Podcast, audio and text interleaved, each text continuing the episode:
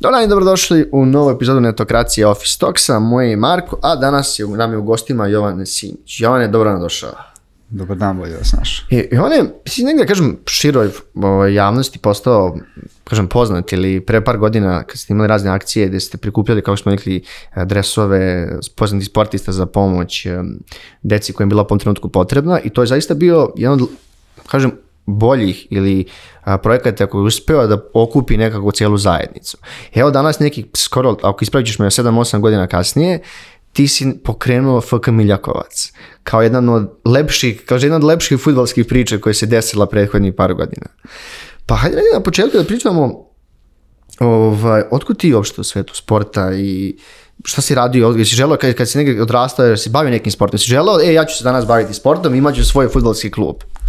Pa vidi, ja sam od malih nogu u sportu i, i u sportu i ceo, ceo moj život je prožet e, sportom, pogotovo što nam je detinstvo bilo takvo da je bilo i manje tehnologije i nekih načina da se zabaviš i jednostavno beg od svega je bio jednostavno park školsko i mi smo bila, bili ta neka generacija koja kako su se dešavali uspesi u sportu, mi smo tako konvertovali naš park u to u taj teren, da li smo osvojili ovaj, neku medalju u rukometu, onda je klackalica postajala gol, pa smo crtali ovaj, e, liniju kao 6 metara, kad smo uzeli zlato u Sidneju, onda je ta klackalica postala ovaj, kao mreža za odbojku da prebacujemo preko nje kad je aktualno bilo svetsko ili evropsko u futbolu, onda je ta klackalica opet postajala gol, gde se futbal igrao, tako da jednostavno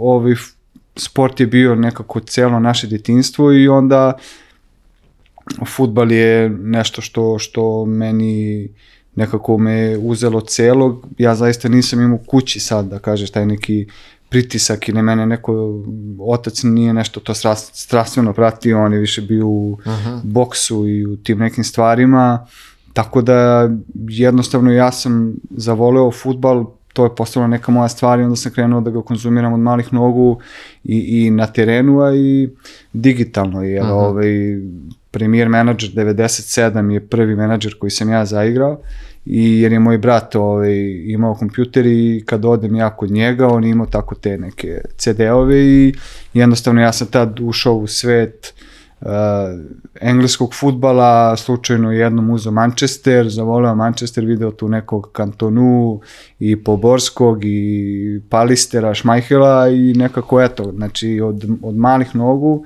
i digitalno i uživo sam krenuo da konzumiram futbal i jednostavno eto, sad to radim isto. Da, ja i sad kad pričaš, e, mislim, ti si možda dve, par godina stariji, stariji od mene, ali i tu, tu smo negdje, e, ja sam, ja sam možda prvi fut, da, da, igrao de, FIFA 98 ili 2000 na Playstationu 1 i to je bilo, to je bilo nerealno koliko smo igrali. Ali kad pričaš, pošto pričaš, jest, tad jeste bilo manje tehnologije, mi smo svaki dan igrali futbal ili neki sport. Ja sećam sam polomio nogu, uh, ovaj, i da dok još mi nije, još nisam skinuo gips, ono pri kraju ja sam igrao futbal. Sa, pol, sa takvom gipsu, nogom u gipsu. I ono šta te boli, trčiš na ulici, igraš se. Ali znaš, stvarno ne postoji sport koji nismo igrali kao, kao igrali kao klinci. Jeste, i nije bilo prepreka, što, što kažeš, ja sam lomio ruku i nogu i sve i znam da sam jednom krenuo da igram futbal sa rukom u gipsu, pa sam polomio bratu u ključnu kost kad je bio neki Da. duel, znači to, to je bilo padanje, to je bilo, ali mislim, jednostavno to je bio naš način da ispraznimo i Da, ja, ja sam kao klinac dosta, mislim, navijao za crvenu zvezdu, sad me to, neko kako, kako ostariš, to ti, to ti prođe dosta taj naboj. Ja se sjećam kad sam ja, kad ne znam, kad smo negdje izgubili tih 90-ih, ja sam plakao, jedni što ono, šta ti, šta ti znaš, izgubiš, ne znam, Leverkusena 3-0, ko da juče bilo, ja plačem. Sad me ne zanima, vidim da je bio derbi za vikend, znaš, ono, ima, ima, sad je futbol gledam da bi uživao u igri, a ne da bi sad nešto navijao baš kao za crvenu zvezdu ili šta god. E, pomenuo sam ovde, ti si vjerojatno jedan od najmlađih uh, vlasnik, kažemo, osnivača klubova sigurno u Srbiji, na Balkanu i šire, ali dok ne dođemo do ovaj, FK Miljavkovaca, čega smo zvali, uh, malo da pričamo o nekim stvarima koje si radio. Ja sam pomenuo tu 2000, jel, a- ići spravit ćeš ako ne, to 2014, ali 14, tako? da. Kada si pokrenuo tu zaista veliku humanitarnu akciju, uh, ajde malo pričaj o tome. Mislim, to, je, to jeste lep, naravno, akt, ali to je, logi, koliko je to logistički bilo teško. Znači, ono da organizuješ uh, prodaju dresova, da prikupite dresove, da se te pare uplate, da, pro, da ispratiš ceo taj proces. Znači, kako iskustvo nosiš toga i koliko je to bilo stvarno logistički teško, kaže, ajde ja kažem, mislim, organizovati? Pa tad u tom momentu to je sve delovalo mnogo lako i mnogo lagano, jer jednostavno ja sam tad bio ono klinac od 22-23 godine, koji nije ni znao ni šta radi, ni u šta se upušta, ni tišta i jednostavno ti kad si nošen tom energijom i tim poletom, jednostavno sve je moguće i sve može se desiti. Tek sad kada si bio deo i nekih većih projekata i, i svega, tek sad možeš da rašlaniš šta se sve to dešavalo i, tek sad kad imaš kao taj mindset, ono, organizacioni, pa ovaj, raščlanjuješ neke stvari na podprojekte projekta, vidiš šta se sve tu dešavalo, to je u tom momentu bilo samo eto, neke stvari koje se završavaju da bi se događaj desio. Nije se to posmatralo kao sad neka organizacija, nego idem ja sa još par drugova i direktor škole u, u kojem je bila ta ovaj, prodaja dresova koji je uradio sve što se tiče logistike na samom mestu koja je stvari bila i naj, naj ovaj, zahtevnija i najbitnija, tako da s ove sad kad bi ovaj, na primjer krenuo da pravim tako nešto, ja bi naravno sve stavio na papir, pa bi razmišljao, da, da, da. u momentu nije bilo razmišljanja, nego ideš i stvari se dešavaju i bila je onako lepa energija, bio je povod jako tužan i jako stresan, ali energija je bila stvarno prelepa i odziv ljudi je bio prelep i ideja je bila ono što je zainteresovalo ljude i bilo je nešto novo što ovi, se pojavilo, neki novi način da se ljudi pokrenu, kao i kasnije i utakmice i uh mhm. -huh. sportski bazar, humanitarne večere, penal za život, znači sve, sve to dobijalo neku formu koja je ljudima bila interesantna i davalo im nešto za uzvrat kad, kad oni učestvuju no. u toj akciji, a mi smo od njih uzemali sredstva koje smo usmeravali gde je bilo potrebno. Tako da eto, sklapale su se kockice sa, sa više strana. I su sportisti bili ono ženi da pomognu ili, ili si ono morali e, da i si većinu početi, e, koliko su uopšte bili, e, hajde imati moj dres, su se sami javljali ili jeste morali da ih cimate, hoćeš možda da daš neki dres ili to kad krene onako lančana reakcija pa se svi uključuju? Pa prvo kad sam krenuo u organizaciju sve se baziralo na tim nekim mojim dresovima i onda ovaj, kad je zahvaljujući Darku Nikoliću, sjajnom čovjeku koji je tad radio u Blicu, ovaj, priča krenula da rasti, da se širi i onda se tu pokazala i snaga medija i, i društvenih mreža, jer je ovaj, u tom momentu kroz jedan lep novinarski tekst i jednog novinara koji je sad svoj kapacitet intelektualni, mentalni i profesionalni usmerio da od te vesti napravi nešto što će da privuče veliku pažnju, ona je napravila od te prodaje dresova i od nađenog života državno pitanje broj 1. I onda su krenuli da se javljaju sami ljudi ovi sportisti i treneri i obični ljudi da obični uslovno rečeno ovi da da da e, šalju dresove tako da to onda bila jedna reka koja nije mogla da se mhm. zaustavi i eto da. dalo je jedan sjajan rezultat. Mi moram priznati da je zaista jedan od lepših, ne kažem, human, aj kažem humanitarnih akcija, mada često to uh, ovaj, ne znam, znaš koliko je taj termin, jer uvijek lepo pomagati nekom. Um, I negde, ne, negde tada mi smo imali priliku da pričamo sa tobom da ovaj jer sam ovde stavio da si jedno vreme e, bio i marketing direktor e, FK Voždovca i ono što jeste, što je tada bilo interesantno, ti si vodio taj već sada čuveni Twitter nalog e, Voždovca i to je zaista eksplodiralo. Mislim, bar mi, mi smo ga primetili, vidim da su drugi ljudi primetili, hajde malo pričamo o tome generalno, tu si već negdje ušao ovaj, u, u svet um, sporta. Kako ovo što izgledalo voditi marketing za jedan futbolski klub? Bilo ono kao što si ti očekivao? Kako, kako, šta nosiš odatle? Pa otprilike jeste. U principu to je bio neki logičan nastavak svega jer i kroz fondaciju ovaj, koju sam bio pokrenuo zajedno za život uh mhm. -huh. koja je bila sportskog tipa, ona je funkcionisala otprilike skoro kao futbalski klub i na društvenim mrežama i po akcijama koje je pravila utakmicama i, sve, i svime. I ja sam uvijek gravitirao ka toj formi i, i, i ka ovaj, futbalu i jednostavno ovaj, sam jednostavno shvatio uh mhm. -huh i sagledavao da u srpskom sportu ne postoji ono što bih ja voleo da vidim u smislu marketinga, komunikacije sa navijačima, komunikacije sa javnošću, da je sve to sporo, tromo, po nekim šablonima, da niko nema neku hrabrost, da istrči, iskoči, da napravi nešto što nije napravljeno nikad i onda sam se ja javio u Voždovcu sam, i rekao, dobar dan, ja sam taj i taj, radio sam to i to i pos, poslao sam ceo projekat, ceo plan koji ja bi to na taj taj način, tako i tako, ovaj, s tim s tim kapacitetima da krenemo pa da vidimo. Ovi, oni su to prihvatili i dali su mi odrešene ruke, tako da mm. mislim da ljudi koji vode klub nisu ni znali niti šta se dešava, niti šta ja radim, samo je krenulo da se to pojavljuje svuda po medijima, ljudi su krenuli da ih zovu, da se raspituju ko vam vodi mreže, šta se ovo dešava, ovo je sjajno. I jednostavno da, Twitter je bio nekako naj, najpitki jer je forma bila kratka, stavljaš mimove, praviš fore na ove, neke aktuelne situacije i to se ljudima jako svidalo. Ono što je meni žao što, što je nekako Instagram i ostale mreže su pale u zapičak, za mene je, na primjer, Instagram Da, Twitter je bio šaljiv, interesantan i privlačio pažnju. Jako šaljiv. Ali da. Instagram je ovaj, imao zaista najbolju produkciju što se tiče praćenja mečeva, praćenja treninga, kvaliteta, da kažem, kvaliteta snimaka i kvaliteta sadržaja gde su ljudi pušteni da uđu u klub, da uđu u ekonomat, u slačionicu, da upoznaju futbalere kroz neke e, kratke klipove, zanimljive i da jednostavno vide kako klub živi i tu je mhm. bilo svaki, svakih stvari ovaj, nekih skečeva sa futbalerima, kažem opet i taj match, match day je bio nešto, sad ne znam kada bi se premotalo, ako se neko seća, ako je neko pratio, taj match day je bio kroz jedno ono 30 ovaj, storija, storija da. koji su bili fenomenalni u tom momentu Voždovac je bio prvi klub koji imao ono gifove kad neko postigne pogodak.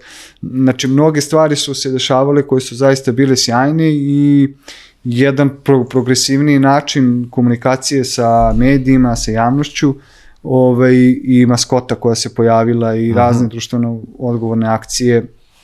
Ovaj, Voždovac je prvi nosio logo humanitarne fondacije na mhm. dresu, uh -huh. kapitansku traku sa logom, znači bilo je tu ili akcija za Nurdor, ono kad je bilo pruži korak, uh -huh. kad mhm. se melo na telefonu, pa je onda ceo tim voždovca izašao na trening sa telefonima da bi se meni koristili. Znači, bilo je tu nekih sjajnih onako stvari koje se dešavale prvi put i ovaj, jednostavno mm, ja sam mogu sa ponosom da kažem da je, da je taj neki moj period u Voždovcu promenio uh, lice srpskog futbala u komunikacijskom smislu i pokazuje jedan kroz jedan, znači jedan kroz da. jedan. Ja sam i pratim ja dalje pratim, pratili smo sve do ajde neću kažem zato što mi negde pratimo industriju, ali to je toliko odskakalo od drugih naših klubova, pa čak i od nekih svetskih klubova, da ne pričamo kao što je komunikacija uštogljena donekle. Danas oni malo sad svi iskaču, video si TikTok, ovo, da, sam, ali sam. to tad je zaista bilo jedinstveno. Da, pa i Voždovac je bio, slagaću da li prvi ili možda drugi posle Zvezde klub koji je ovaj, otvorio TikTok i to je bilo lepo krenulo, tako da jednostavno, eto, stvarno u, u tom momentu ljudi su se ugledali na Voždovac, Voždovac je dao taj neki, što se kaže, know-how i sad se to raširilo, ali opet po, po meni i dalje sve to onako Yes. Nije, nije to baš, baš na nekom nivou na kojem bi ja voleo da ono mm -hmm. vidim kao neki konzument mm -hmm. i mreža i medija i svih ostalih načina komunikacije sa mnom kao nekom ko prati futbal, ali definitivno se pomerilo nešto sa mrtve tačke u tom momentu. To kad pominješ, što dosta pratim a, američki sport, to dosta, po, dosta izgleda na način koji Amerika, a, a, kažem, oni tamo prate sport da je zaista taj sadržaj koji je oko društvenih mreža vrlo kvalitetan. Imaš ti on behind the scenes i sve i svašta i te što si pomenuo te storije sa mečeva, to su istorije sa nekih meč, sa utakmica. Zaista je bio napredak i zato su mi, mislim, mislim da, mislim da ja mogu ti reći da je taj intervju sa tobom prvi koji su mi kad radili s nekim, nekim sporta. Mm. Znači to je ovaj, zna, mi kao konzumenti društvenih mreža i sporta, nama je to bilo nevratno zanimljivo. Da. I da, i to sam te kažem, aj, ka, ok, ti s jedne strane ti meriš to, uh, znaš, to se meri u, ne znam, lajkovima, šerovima, u engagementu, ali došlo više navijača na jest, se, to je, jest. to je naš, to ono što je klubu bitno. Da, više, više ljudi je tražilo majice, dresove, opremu mm -hmm. kluba, više ljudi je dolazilo na mečeve dizao se veći hype preko mhm. društvenih uh -huh. mreža, pratili se mečevi preko društvenih mreža više. Tako da sve, sve je to bilo onako Voždovac, brand Voždovca je u tom momentu porastu i kasnije je mogo lakše da se prodaje i sponsorima, Voždovac je u tom momentu imao m, problem da dovede sponzore, da sve u tom momentu je postavljen jak temelj i, i učvrstio se brend Mhm. ovaj, voždovca kao jedne priče zdrave, futbalske, koja nije opterećena nekom pričom navijača ovih ili onih ili tako nešto. Tako da sam se zbog toga ja i ponudio voždovcu jer sam video da klub ima marketinškog kapaciteta, e, da krenemo samo od e, loga koji nije svakidašan, jer većina klubova u našoj zemlji ima te neke krbove koji su zostali iz nekog perioda Od komunizma. 45. se nisu verovatno menjali. Da, znaš, ili je nešto sitno promenjeno, sve to onako staro, ovo je neko, ono, znaš, zmajevi, zmaj davalo je Mhm. mesa da se radi sa, sa, sa, sa time i opet ovaj, mogu, mogu si da rasterećeno sve to praviš i, i da radiš. I sad, ovaj, kasnije kad sa ljudima pričaš i kad im pričaš o toj priči iz ovaj, Amerike što si ti rekao da ima mnogo stvari sve to lju- ljudi kažu da ja ne mogu to u klubu meni treba za to desetoro ljudi. Ja sam u Voždovcu radio sve sam i, i to je isto jako bitna stvar da ovaj, to nije meni bio posao, ja sam živeo to, znači ja sam bukvalno na stadionu uh, provodio dnevno od 8 do 10 sati uh, sa futbalerima, sam snimao klipove, montirao ih, radio društvene mreže, pisao saopštenja, sređivao sajt, bio u kontaktu sa medijima, uh, bavio se i izradom stvari, shopom i ovim i onim, znaš, tako da jedan Jedan čovjek je... ciklus da kažem, da. Da, je- jedan čovjek je sve to radio, ljudi su mislili da to radi, ja sećam kad sam radio intervju s vama, vi ste mene pitali koja je to agencija. Da. Znači to je sve radio jedan čovjek, ali je poenta u tome, znaš, e, mislim ja ne propagiram sad ono idi radi dok ne umreš sve to, Jasno, ne, ali to za mene da. nije bio rad. To je, Pogotovo u tom trenutku, da. ja sam živeo svoj, svoj san, znaš, ja, ja sam bio deo futbolskog kluba i Superligi i mene to ložilo neviđeno putovanja, karantini, mečevi, match day, treninzi sa Ali ne, ne, ne moraš da ideš u karantin. Išao sam. Ja sam putovao sa futbalerima ono dan, dan ranije, jer sam i, imao sam i odnos i sa futbalerima, jer sam bio futbaler, znam šta je slačionica i jako je bitno da kad si u sistemu futbolskog kluba da imaš i tu jednu dozu socijalne inteligencije, da sa momcima komuniciraš kao i sa svim ljudima iz kluba od ekonomata, slačionice, tehničkog osoblja, direktora, sportskog sektora, znači ti moraš da jednostavno osjećaš klub i, i, i da sa svakim nađeš jedan način i komunikacije i poštovanja i da nađeš svoje mesto, jer futbalski klub, a pogotovo slačionica, to je jedan ekosistem koji živi sam svoj život, ima neku svoju hijerarhiju i ti moraš da imaš tačnu socijalnu inteligenciju da to prepoznaš i da postaneš deo toga. Ja stvarno imam sjajnu saradnju i sa momcima i ja sam u tom momentu bukvalno bio i deo slačionice i kažem ti opet živeo sam svoj, Mhm. svoj san kroz, kroz taj rad u Voždovcu. Za, zaista sjajno, slušam te i ne, ne želim da, da, da, da te prekidam, potpuno zato što uživam u tvojim, u tvojim odgovorima. Pre nego što kren, krenemo na, na, na FK Miljatkovac, sam ovde, ajde, kad, već pričamo o karijeri, e, zaista za ovo, imao si neki, došao si do olimpijskog e, ovog komiteta Srbije e, i to je zaista ono kao veliki, kažem, potvrda ono što si radio do sada, jer olimpijski komitet ipak nekako znaš, pričat ćeš nam ti, ipak zvuči, trebalo bi da bude kao, e, došli smo, ono, sam krem sporta u Srbiji. Kako ne? Da. Hajde malo pričamo o tome, radili ste neke kampanje, da imaš neku što si posebno ponosan, nešto. Kako ne, pa u, u momentu kad sam ja video da sam Voždovcu dao sve što sam mogao, Izvini što te prekinem, jel Divac je bio predsjednik olimpijskog ne, komiteta? nego neko e, drugi? Boža Maljković. A, Boža Maljković, Boža okej. Maljković i kažeš ti u momentu jednostavno kad se vidio da, da, da, u, da je moje vreme u Voždovcu gotovo i kad sam napustio stigao je poziv iz olimpijskog komiteta,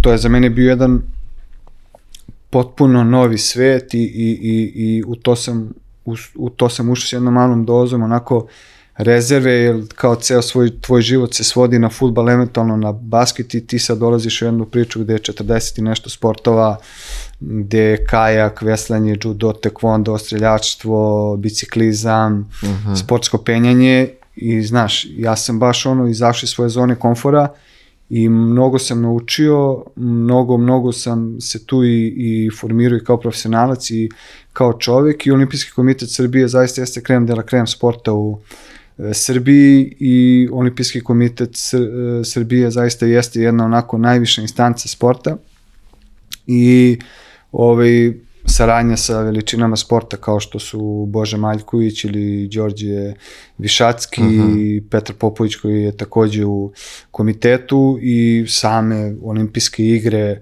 u Tokiju koje su bile jako izazovne organizaciono jer se dešavalo u vreme priliku da ideš tamo ili ste... Da, da, ja sam da. bio presataše našeg tima u Sjajno. Tokiju i sve, cijele te pripreme su bile uh, apsolutno dosta stresne i to ono što je Boža Maljković rekao u jednom momentu svetlo u komitetu se ne gase. I to je zaista bilo tako, jer taj period pred igre ili pred neki veći događaj, da. događaj to je apsolutna posvećenost tome, pogotovo u vreme korone gde su bili jako striktni propisi i da se to dešavalo bilo gde na svetu, bilo bi mnogo lakše, nekako i rasterećenije, ali Japanci su... Da, e, da, ajde, ajde, Japanci, ajde, ajde, malo nam dočaraj tu, taj, to, to, ja ne mogu kažem, to je bilo suludo. Taj, taj, taj nivo, mi, mi smo slušali, ti si bio tamo, taj nivo protokola koji su oni postavili, da, da, da. to je delovalo nama suludo, da koji, koji ovaj, Jeste, gledamo. Bilo je, bilo je ludo, morao si da imaš aplikaciju koju si popunjava svakog dana ovaj, o, sa svojim simptomima,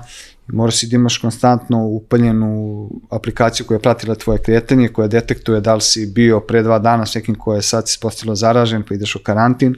Baš je bilo sve onako stresno, testiranje svakog dana, uh, striktno kretanje samo olimpijsko selo, sportska borilišta, znači konstantno si ili u posebnom automobilu koji te vozi ili u autobusu koji te vozi, nema ništa sa ti da nešto vidiš ili tako nešto, a i zbog količine posle nije ni bilo moguće, Aha. znači ti se tu pališ u šest ujutru, gasiš se oko 1-2 ujutru, malo spavaš i nastavljaš dalje, tako mesec dana dok, dok si tamo, ali ovaj, bilo je onako izazovno, uh, I, ali već kad si došao tamo sve je to bilo dosta lakše, kažem, e, period pre toga je bio dosta onako stresan, dok se sve to spremi, namesti, jer su Japanci jako striktni i, i jako su sve to držali pod ono kontrolom. I za svaku i najmanju stvar, ne znam, za prevoz od sela do borilišta ti dobiješ knjigu od 300 strana koja ti opisuje sve protokole, pa ti sad vidi gde je tu ishrana, kontakt sa sportistima, mix zona,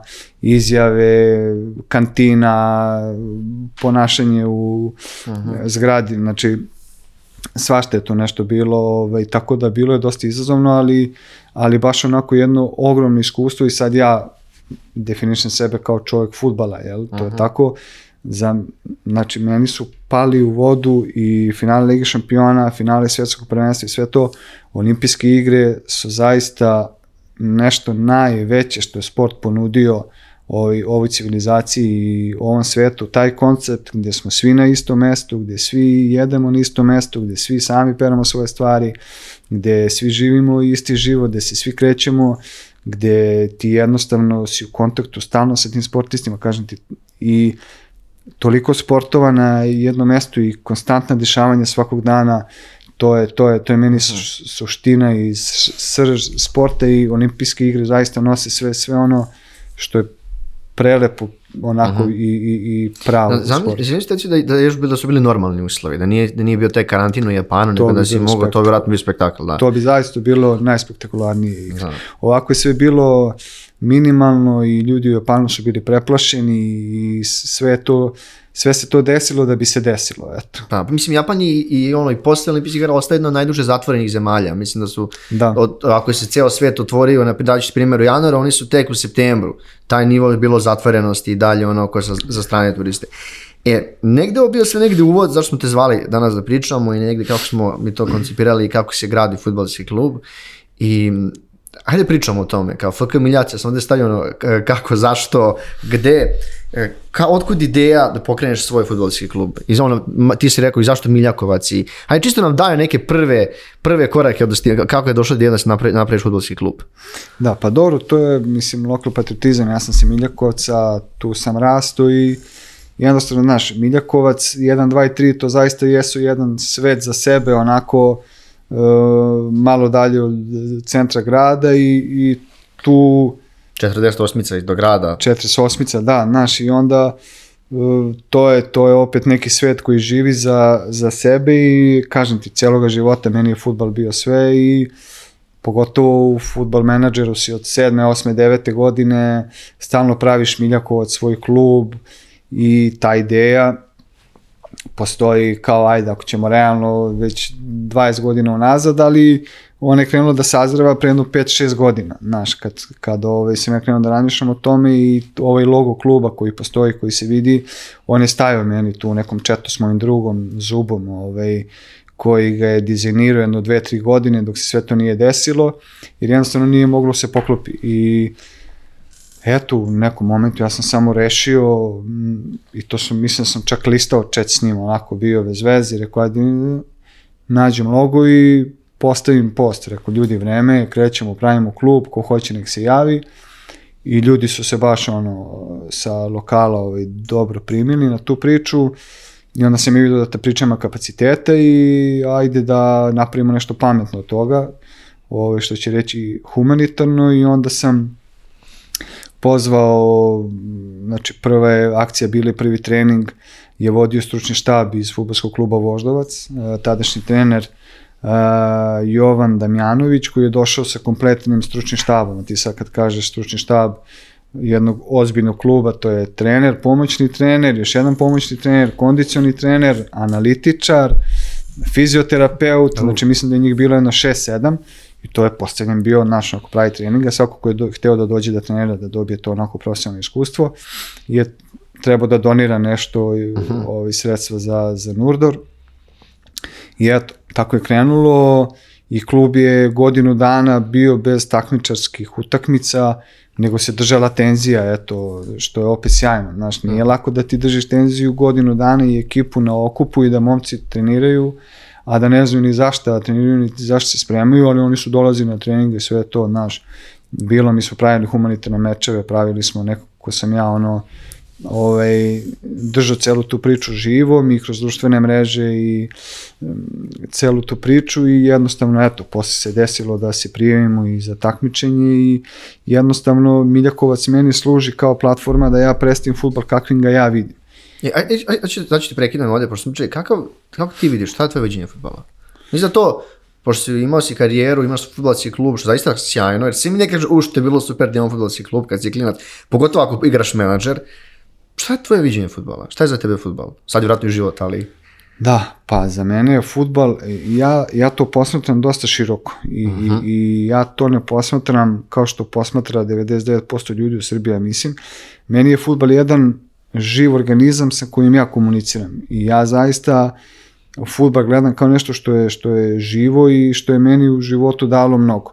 Kroz humanitarni rad ja sam dobio tu priliku da napravim neke velike humanitarne mečeve, da upoznam idole i Radomira Antića, Boromir Lutinovića, Predraga Mijatovića, wow. Danka Lazovića, Kežmana Vidića, znači svakoga ko je nešto značio u ju ili srpskom futbalu, on je bio na tim humanitarnim mečevima koje sam ja pravio i jednostavno futbal je meni dao da ja živim sve neke svoje dečje snove kroz najlepšu priču da kažemo futbal je me i hranio u jednom delu jer kad sam radio i u Voždovcu i sve to jedn, jednostavno ja futbal toliko volim i toliko ga široko sagledam da ja zaista mislim da ono što ti daješ njemu on tebi vraća i ja imam -huh. takav odnos s njim ne, ne, ne, ne konzumiram futbal kroz određene futbalske klubove, niti navijam i Miljakovac je tu jer ti jednostavno klub je ta neka forma koja mora da postoji da bi da bi mogla da iznese futbal prema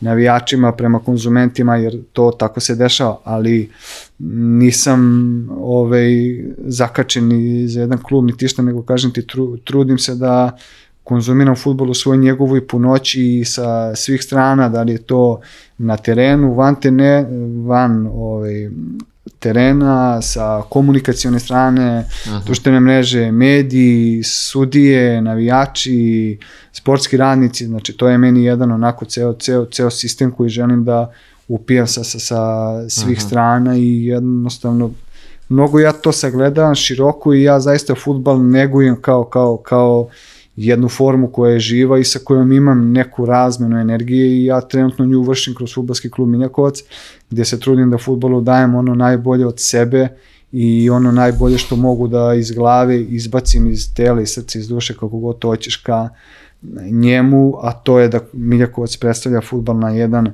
lep način, pristojan, da uh, na jako visokom nivou komunicira sa Futbalskim savezom koji je nadređen sa navijačima, putem društvenih mreža, putem medija, putem bilo čega da pomaže lokalnoj zajednici, da šalje neke ozbiljno lepe i normalne poruke u javnost kroz svoja dela, kroz te humanitarne mečeve, humanitarne akcije ili društveno odgovorne uh -huh. akcije kao što je sačuvaj lopte.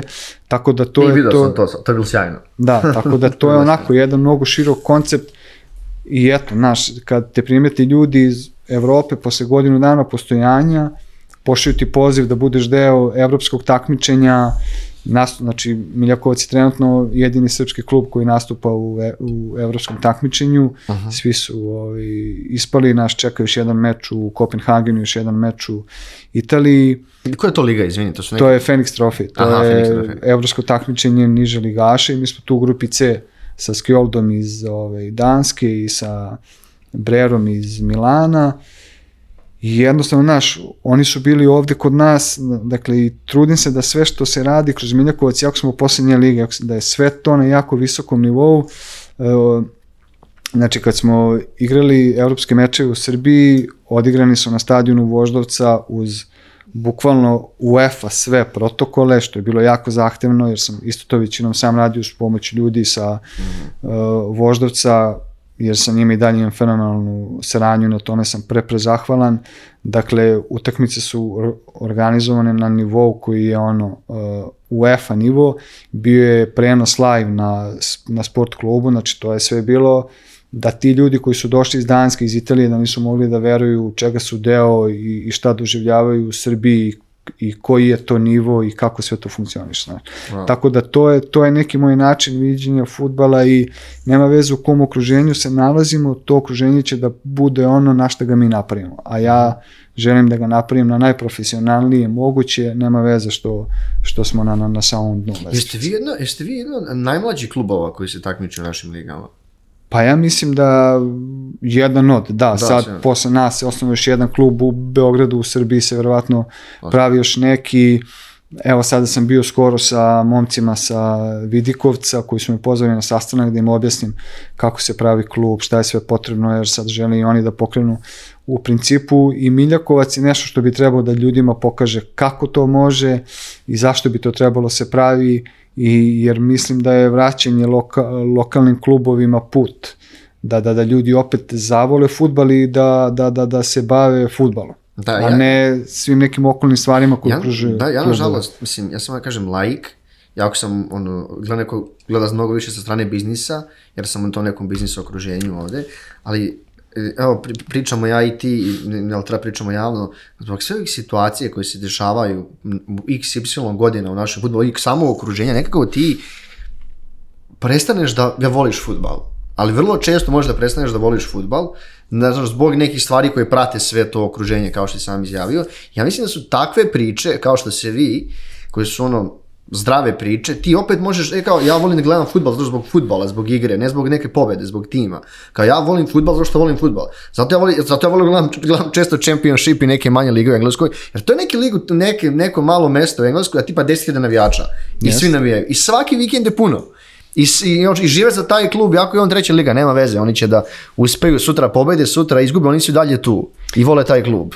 Pa vidi, engleska kultura je nešto što je meni spektakularno i to ono što sam ti rekao pre nego što smo krenuli da snimamo, uh, engleski futbal je ono što je meni vrh i njihova kultura je meni sjajna. Ja sam to pokušao da prenesem ovde kroz Miljakovac, jer tamo svako selo ili bilo šta ima svoj lokalni klub koji ozbiljno voli i podržava i nebitno da li ti pratiš Chelsea, Manchester, Liverpool, West Ham, ti ćeš uvek da kupiš šal, majicu, sezonsku, da podržiš da dođeš da gledaš taj ono Sunday League meč i jednostavno ja želim to od Miljakovci, to je ono što apostrofiram stalno, e, znaš, nije, nije to sve slatko, nije to sad -huh. iz Miljakovca sve, sve super, da. znači tu je bila mnogo velika borba, e, Da, ja imam taj mindset i znam kako bi želeo to da postavim, ali ti imaš onda grupu od 30 igrača koji su momci prošli u futbolu sve i svašta, pa misle da to treba da se radi na ovaj ili na ovaj način, kroz agresiju, ovu, onu. Aha. Ja sam bukvalno bio i psiholog i psihijatar i pričao mnogo i sa igračima i sa navijačima i rekao je ljudi, znači mi nismo isti ostali, znači mi tu pravimo crtu, pravimo liniju i želim da se uspostavi jedan nivo komunikacije sa sudijama, sa protivnicima, sa protivničkim navijačima, sa službenim licima, sa svima, da li to uspevalo njima uvek nije, onda mi opet pričao, znači to je isto mnogo, znaš, ti imaš sad te ljude koji su iz, iznikli iz nekih klubova, iz nekih sistema gde je to sve bilo nakarano i ti se njih treba da uvedaš u jednu pristojnost, da ih naučiš da se ne odgovara na provokacije, na ono, ono. tako da, znaš, ima tu mnogo rada iza da bi, da bi sve to ličilo na, na, na ono na što bi trebalo da liči i prešli smo tek, tek pola puta. Znaš. E, e, čisto se vratimo u korak nazad, pa ovdje smo prikočili, e, još nekih par osnovnih informacija o klubu nam daj, ne znam na kojim e, stadionima igrate, pa to se stavio čisto pričam, pomenuo si sam, ono, kako si zadovoljan odzivom, da li, da li publika dolazi na, na meče i tako neke čisto osnovne informacije, kao lična karta kluba. Radnička klasa je takođe nadimak, je mislim, kluba, da. tako da. Pa vidi, uh, ajde sad samo da me radnička klasa, da me vrati na brendiranje kluba i sam početak. Uh, dakle, klub sam želeo da brendiram i postavim tako da mogu da se ljudi sa lokala povežu s njim. Kad sam davao ovaj drugu koji je bio dizajner instrukcije za pravljanje grba, bile su takve da bude nešto što će da nas jako veže za, za, za, za kraj i zbog toga postoji onaj zid, uh -huh. koji je zid koji se za, e, nalazi na Miljakovačkom izvoru, zbog e, toga je tu i kaplica vode, zbog Miljakovačkog izvora i obrisi šume, jer Miljakovačka šuma je nešto Jeste što je, da, da, da, da, da kažemo, i prirodno dobro našeg grada i veliki ponos našeg kraja i jednostavno radnička klasa je nešto od čega mi ne možemo da pobegnemo, mi smo iz radničkih porodica, iz radničkog kraja, to je nasilje koje je građeno za radnike, e, konkretno moja cela zgrada na Miljakovcu, to su radnici hidrotehnike bili, on zgrada pored Ljubljanska banka, ova gore zgrada, treća firma ovde, uh mhm. -huh. IMR ovde, Rekord, to je naša pozadina. I tu ljudi sad nešto mešaju da je to neka komunistička ideologija ili tako nešto, ne, apsolutno ne, mene to ne zanima, niti politika, niti ideologija, niti ništa drugo. Jednostavno ja se tu poigrao sa našom pozadinom, jer je nasilje građeno u tom momentu i to je, to je tako bilo i jednostavno ljudi su se jako vezali sada za, za kraj navijača ima zaista dosta. Uh, bukvalno mnogo je velika potražnja bilo čega što ima grb kluba, da li je majica, kapa, šal i mnogo je lepo kad šetam kroz kraj ja ne znam čoveka, ne znam dete, vidim da ono nosi nešto što ima obeleži kluba i to je jako lepo. Klub ima jedan veliki hendikep, to je infrastrukturni. Mi nemamo svoj stadion, mi smo futbalski beskončnici, mi smo većinom na stadionu Rakovice, Aha. Ovaj, popularni teren pored pruge, tu treniramo, igramo mečeve, ženski klub većinom igra mečeve u železniku, znači krpimo se, to su sad i troškovi, najma terena, svega, to ono što ja kažem, Miljakovac dok ne bude imao svoju kuću, svoj teren, svoj, svoj stadion, svoje prostorije, svoje konomade se peru, gaće, dresovi uh -huh. i podgaće i štucne i sve, ti nisi klub, ti si jedan koncept koji je to tako luta, prikazuje futbal kakvim bi trebao da bude. Na stranu to što ja zaista mislim da, da kad bi e, klub imao infrastrukturu, da bi to moglo da se uspostavi, jer ja prvo znam svoje kapacitete i organizacione i sve druge, da bi to moglo da se uspostavi da klub bude zaista jedan ozbiljno zdrav sistem kakav bi Srbija trebala da ima Aha. i kako i Srbiji fali. Nažalost, to je trenutno miljama daleko da će se dogoditi kada ja ne znam i to je ono što je u stvari najveći uh, hendikep, jer kažem ti, svi momci rade, znači Aha. niko ne prima platu, niko se ne plaća, mislim, to je van, čak ni ja razumeš, to je van ono Aha. svega, novca ima toliko da mi pokrijemo, zahvaljujući sponsorima, prvenstveno Max Betu i e, nekim lokalnim sponsorima, da mi pokrijemo te neke troškove koji su sada veliki u ovoj sezoni, jer imamo evropska gostovanja, evropske utakmice su bile ovde, tu je i ženski klub, nemamo stadion, naš, troškovi su zaista mnogo veliki jer klub funkcioniše na nivou koji nije baš, Aha. jesmo u posljednjoj ligi, ali funkcionišemo bukvalno kao, kao klub koji je... Dosta iznad te posljednje da, lige. i znam i momci neki koji su dolazili i igrali čak i savezni rang, da li Aha. drugu ligu, da, da, Oni su oduševljeni organizacijom i kako sve to funkcioniše i jednostavno znaš, lopte, dresovi, čunjevi se nose po gepecima, pa onda ti poneseš, a nećeš moći da stigne danas na trening zbog posla, mm -hmm. mi na treningu bez lopti, trčimo na, znaš, da. to su neke stvari koje, koje te unazađuju ekstremno, da. znaš. E, pomenuo si, uh, pomenuo si, pričam malo o rosteru, uh, da su neki, da su neki igrači igrali i viši nivo. Kako, kako ste okupili igrače? To ono bili, pošto si vidim već futbolu, pa si imao neke ove, poznanike, ste imali kao neki ono open practice, pa ste ljudi došli, čisto me zanima taj deo, kako skautirate igrače? Pa vidi, pa prvi taj trening koji je bio ovaj, kao probnik koji je vodio stručni štab Voždovca, on je bio otvoren i mogo je da dođe svako. I onda se tu lepo isprofilisala neka grupa ljudi, nek su došli da bi se zezali, nek su došli da bi pomogli u akciji, nek su došli da bi kao ostali da vide šta je to, da li to nečemu vredi i ostali su. I međutim, to je bilo pre tri godine i sad je, ja mislim da je ostalo možda njih sedam ili osam iz te prve ekipe. Ljudi se menjaju, idu, odlaze, rade, dobijaju decu, bave se porodicama. Ovi, neki ljudi tu ostaju. Znaš, futbal je jedan organizam koji je živ, živi od polusezone do polusezone, uh mhm. -huh. ima tu dosta promjena, ali neki kor ekipe se drži jako, jako dugo od kako smo uspostavili to, tu takmičarsku ekipu, da kažemo ovaj, od prošle godine, pretprošle tačnije kad se počeli takmičimo i nema tu skautinga, nema tu naš, uh. -huh.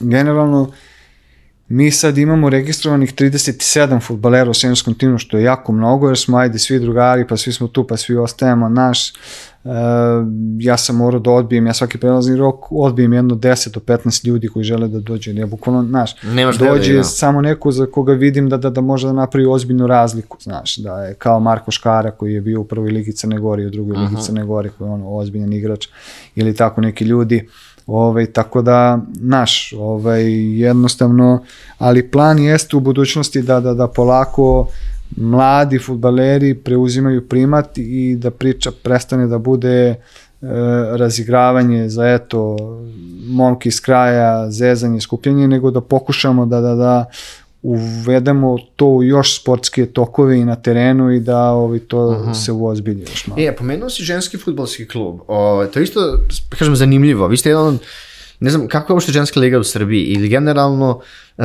od, kako ideja da pokrenete ženski klub? Ili to samo ste vi imali, su se devojke javile kao hoćemo da pokrenemo i ženski pa, klub? To je meni palo na pamet jer sam sve što sam imao davao uvek muškom futbolu i shvatio sam da je ženski futbol ozbiljno za pečku u Srbiji. Uh mhm. -huh. I palo mi na pamet da probam da napravim ženski klub, ne znajući, ne znajući šta se upuštam, niti šta ću da radim. Ovaj, pozvao sam tih par devojaka iz kraja za koje sam znao ono da su u školskom s nama šutirale loptu, nešto se malo kao bavile futbolom. Okupilo se nekih 5-6 devojaka, pa je to krenulo, krenulo i sad ih ima eto 25-6, mi smo sad u prvoj toj sezoni. Jako je teško. Sam je spektakl što ženski futbolski klub Minjakovac postoji, igra mečeve, ne otkazuje mečeve i ne prolongira ih. Situacija u ženskom futbolu je jako loša, fali igračica, fale klubova, gase se klubovi, mi ne nastupamo u Ligi Beograda jer nema dovoljno klubova da se formira takmičenje, mi nastupamo u Ligi Vojvodine, što su opet veći troškovi da. putovanja i svega. Tako da ženski futbal, to ono što kažu on je mrtav na pratima, ne, on, on u Srbiji nije još ni Došao do toga. Nije se još ni rodio. Uh -huh. Znači on je još u inkubatoru i sad ti treba da vidiš kako da, da ga izvučeš na svetlo dan i da kreneš da ga razvijaš. Po meni, ne znam da li smo kao sportski radnici, narod toliko sistematični, da li neko u Futbolskom savezu želi da se ozbiljno pozabavi time. Znači, nama treba jedan ozbiljan sistem i ozbiljan projekat koji će da traje od 10 do 20 godina. I da vidimo da u, prvom, u prvoj fazi projekta cilj bude da se što više devojčice izvede na futbolski teren, da im se približi futbal i da dobiju iste uslove kao što imaju i dečaci.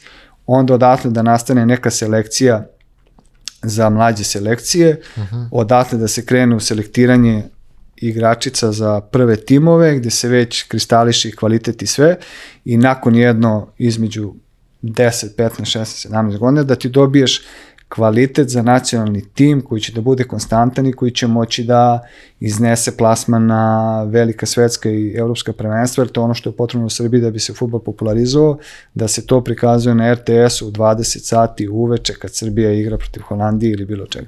Genetski kapacitet apsolutno ja mislim da postoji, ako ti gledaš žensku košarku, žensku Odboj. odbojku, bilo koji drugi ženski sport gde mi apsolutno dominiramo, nema razloga da ne dominiramo u futbolu, nego devojčicama nikad nije bio približen futbal na pravi način. Da što nekako od uvijek bio muški sport. Da, i to sve dešavalo kroz incidente. Aha. Tata voli futbal, pa nekako povuče Ćer- čerku da. i sve ove igračice sad koje su top level kod, kod nas, Čankovićka, Damjanovićka, a, Mala Nina, znači to su sve produkti Slučaja- slučajnosti, slučajnosti da. incidenta. Mene zanima, znaš, da, da li je neko ušao toliko duboko u to, da li mi možemo da radimo sa devojčicama i sa dečacima isto. Znaš, da li postoji nešto, neke razlike u razvijanju, dajem sad primer, u osmoj godini, u desetoj, u dvanestoj, da li nešto utiče testosteron, progesteron, da li su ove vežbe bolje za dečake, a ne za devojčice. E, devojčice se stavljaju u iste škole futbala i radi se sa njima isto kao sa dečacima. Šta bi se desilo kad bi se mi tome naučno posvetili da vidimo šta odgovara devojčicama, prilagodimo treninge, prilagodimo ishranu, prilagodimo oporavak, da li je to telo baš isto, da li, da li postoje neke minimalne razlike, ali da li će te minimalne razlike da, da Naprave toliku razliku na kraju da mi dobijamo Da. ovaj, igračice koje su to. Znaš, ja da. mnogo široko to gledam i onda ja delujem ko ludak. Znaš, ne, ti si malo pre nije- promenio, ali to je sist, e, ono, da, se, da ti si pomenuo to da je to projekat 10-20 godina, ali ja, ja imam, pro, ja ne kažem imam problem, nego ono što ja vidim što se kod nas u zemlji, nevezano za sport, e, ništa, ništa ne razmišlja toliko dugo, nego se vrlo, vrlo reko razmišlja kratkoročno. Ti kad bi napravio sad projekat koji će trajati 20 godina, znaš, pitanje je da, evo, ja, ti od, od napraviš projekat i pitanje je koliko bi ljudi stalo pored tebe, čovječe, ovo za 20 godina, ko će da bude živ za 20 godina, Zato što smo mi uh, kao narod setovani na taj sistem preživljavanja i kao da vidim šta je to dok sam ja tu, znaš, uh posle nas ništa, pre nas ništa. Da. Ništa nije postojalo, niti će išta postojati. Evo, trenutno se rađa u Višegradskoj neko dete koje će se futbalom baviti za 10 godina. Šta ćemo s njim? Ne mislimo mi na to, daj sad dok sam ja tu i to sad postoji i posle mene ko, nek se bavi ko šta hoće. Da. Ne daj Bože da se baci pogled u napred, da kažem ti, to mora da sedne jedna ozbiljna grupa ljudi, da se uključe i stručnjaci sa, sa više ovih strana i da se napravi ozbiljan projekat koji će se ozbiljno ispratiti. Ja mislim da za to mogu da se dobiju sredstva i od UEFA i od eh, Verovatno, da. i od države i od svih samo ako se priđe svima sa jednom pričom koja je smislena, normalna i koja treba da da rezultate. E sad, naš. Đivane, pošto si u, tu u futbalu si imao si uvidi u, u, prvu ligu i niže lige, samo stavio jedno pitanje, em, kako je uopšte deno stanje ovaj, u našem futbalu i, i pogotovo ti nižim ligama i šta po tebi misliš da je potrebno ti sad si pri- pričao za ženski futbal, ali da, znaš, i te niže lige i taj, i, i muški futbal digne za niši nivo. Potrebni su nam edukovani sportski radnici, jer uh, svi ljudi koji su danas u futbalu ili, ili koji se bave futbolom, ok, verovatno u Srbiji ne postoji sad nešto, uh, neka institucija koja možda te edukuje, možda savez ima neke kurseve ili tako nešto, ne pričam sad za trenere, pričam za, da, da. za, za, za ljude koji bi trebali da se bavi mnogim segmentima u klubu, znaš, sad to što sam ja radio na sebi, pratio šta se dešava na zapadu, nalazio tekstove, slučaj. čitao, znaš, to je, znaš, moraš i ti da radiš sam na sebi, ovde su svi nekako kao volim futbal, pa ajde ja bi to mogao, znaš, niko nije to nešto pratio šta se tamo dešava, pa ide šta se tamo radi, pa rekao, ok, ovo je dobro, ovo nije, ovo može da se napredi, sa mojom nekom idejom zamisli da, da niko ne razmišlja široko, znaš, mislim da nam prvo fali kadrova, onda nam fali malo te neke uh, futbalske etike, da bude na jako većem nivou.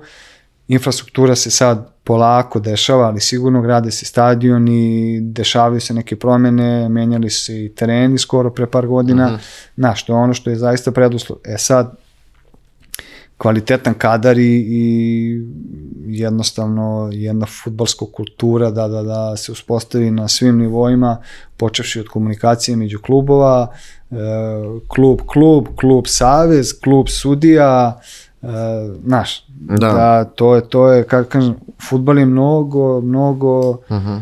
široka priča od, od E, pošto smo došli do kraja, još Infrastrukture, proći ćemo, pošto smo malo smo, tu na sat vremena tamo, imamo još par pitanja koji želeo da prođemo. Ti si pričao Ja, s- e, mislim da je stavio da ste, ovaj, da ste jedan od najorganiz- najorganizovanijih klubova, ali mislim, negdje su to prošli kroz ovo i kroz to što ti pričao da ste, ne znam, od uh, Raje, Evropsku ligu, da ste zaista imali neki ovaj, uspeh. E, Bilo pitanje za tebe, jel- jel teže nego što si očekivao da vodiš jedan futbolski klub? oko nekih prepreka. A, da, i također još jedna stvar, ti si pomenuo, pomenuo si MaxBet kao, kao sponsor. Koliko je teško uopšte naći sponsor danas u futbolu? Teško je, teško je, uh, vidi, ljudi su izgubili veru u sport, znaš, ti kad vidiš ove neke veće klubove, sponzori, na, znaš, sponzori se nalaze na poziv na dođim ti na znaš me, Aha. molim te ili negde od nekud stigne poziv da može se sponzorišti taj klub ili tako nešto. Rijetko koja firma uđe, napravi kao neku evaluaciju toga šta se dobija, Da, šta u sa stvari, kim da. želi da komunicira kroz taj brand, sa kim želi da, da, da radi na tom projektu i onda se to tako uđe. Znaš, to je ono što fali, a, a što bi mogli da klubovi uspostave ako krenu da se dešavaju stvari kao što su krenuli da dešavaju u Voždovcu i u Miljakovcu sada, znaš. Tako da mora da se popravi futbol da bi sponzori tu našli sada neku svoju, svi idu, ajde da kažeš, e, u neke druge sportove manje koji su opterećeni manje nekim lošim stvarima, mora da se povrati poverenje u futbal i mora da se futbal kako da kažem, da se modernizuje u tom smislu komunikacije, u tome šta on ima da ponudi, znači da ne ponudiš kao futbolski klub samo utakmicu vikendom, nego da tu budeš mnogo propratnih stvari koje ti možeš da ponudiš tom sponzoru kao način promocije, kao, kao neke zajedničke stvari koje možete da radite i, i kao način komunikacije oba brenda ka, ka, ka, ka Da, korisnicima, da vrlo često, vrlo često te- tebi kad brand nešto daje pare, bilo bi super da mu nešto vratiš, a ne ono ti piši, piši samo logo tu na adresu, nego da imaju, kao što si rekao, taj visibility. Ne, ne, za kraj, da li, kako, da li imaš neki cilj ili kažem neki kratkoročni, dugoročni planovi za FK Miljac? Kako vidiš, ne znam vas, aj sad neću kažem za pet godina, ali šta je, ona, šta je end game? Šta ti vidiš kao možda naredni korak za FK Miljakovac? Pa vidi, ako mene pitaš po kapacitetima koje, za koje ja sebe skromno smatram da imam, Miljakovac bi mogao da bude klub u Superligi za x godina, razumeš, ali to sad realne prepreke u smislu infrastrukture, sredstava, mnogo stvari, znaš, nije ovo sad priča koju neko gura, koju neko, ovde se sve jedno, jednostavno svodi na, na, to šta će da uradi jedan čovek, kako će da osmisli, kako će da nađe pare, kako će da e, privuče pažnju ljudi, znaš, i to je mnogo teško. Ako se ne desi infrastrukturni napredak, ako se ne desi napredak na nekim drugim poljima, ja onda, mislim, ne znam kako ti kažem, znaš, Da. da. li će Miljakovac postojati, ne, ne znam, da. verovatno ne u ovoj formi, možda da u nekoj formi, zanimaju se neki momci ili tako nešto, ali Miljakovac u ovoj formi koju ga napravio Jovan Simić i ovako da radi stvari kao što radi i da ide uzaznom putanjom kojom ide i kojom bi mogao tek da ide, ako se ne dese ti, ti neki pomaci, on neće dostići tu svoju punoću i taj, taj, taj svoj kapacitet koji, koji Mhm. neminovno posjeduje kao, kao brand, ali i kao jedan sistem koji e, ima, ajde da kažeš, šta da ponudi u trenerskom smislu, jer tu sad postoji jedna grupa ljudi koja, koja želi da se bavi time. Naš trener našeg tima je sjajan momak, e, kondicioni trener e, Nešić je isto momak koji je jako stručan u tom svom segmentu. Znači imamo kapaciteta da oformimo i jedan krug ljudi koji može time da se bavi mnogo ozbiljnije, ali eto, Jasno. mi lelujemo od gepeka do gepeka, od veš mašine do veš mašine, iz čije kuće ide i tu onda nema, nema sreće, znaš. Da. E, Jovan, ja sam zaista uživao u razgovoru s tobom. A hvala što si bio naš gost. A hvala svima nama što su ostali s nama do kraja ove epizode i još jednom Netokraciju Office Talks možete pratiti na YouTube-u i na svim drugim streaming platformama. Jovane, hvala ti još jednom. Hvala puno.